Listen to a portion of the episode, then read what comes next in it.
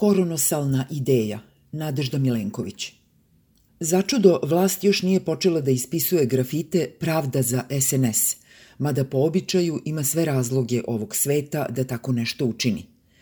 Pa kad su imali razloge da prave bakljade po krovovima i makljaže po ulicama jer su im protesti ugrožavali pravo da vladaju kako hoće, čovek bi očekivao da će ih zabrana emitovanja jednog reklamnog spota još brže pokrenuti na akciju. Na šta to liči? Nisu oni daleko bilo antifašistički pokret pa da ih zabranjuju ko u Americi. I zašto moliću fino da im se zabrani emitovanje tog spota? Zbog zloupotrebe deteta. Pa ajdete, molim vas.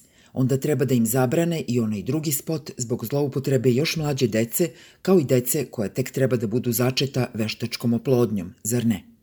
Ali i onaj treći zbog zloupotrebe saobraćajnog policajca i čačana kao takvih pa i onaj plakat zbog zloupotrebe stručnog štaba za borbu protiv korone, mada se vladajuća stranka odmah odrekla vlasništva nad plakatom, o vlasništvu nad stručnim štabom se nije izjašnjavala. U ostalom, kad bi se držali te logike kopijan ustava, onda bi im trebalo zabraniti celu kampanju. Za početak, zbog zloupotrebe predsednika države, jer on uopšte i nije kandidat na ovim parlamentarnim izborima, a u spotovima gledamo samo njega – i niti jednog budućeg poslanika, što se može protumačiti kao namerno navođenje potrošača na pogrešan zaključak. Samo još fali na kraju ona napomena iz telešopova da ako odmah zaokružite broj koji vidite na ekranu, dobijate i 250 poslanika gratis, pa da zabuna bude kompletna.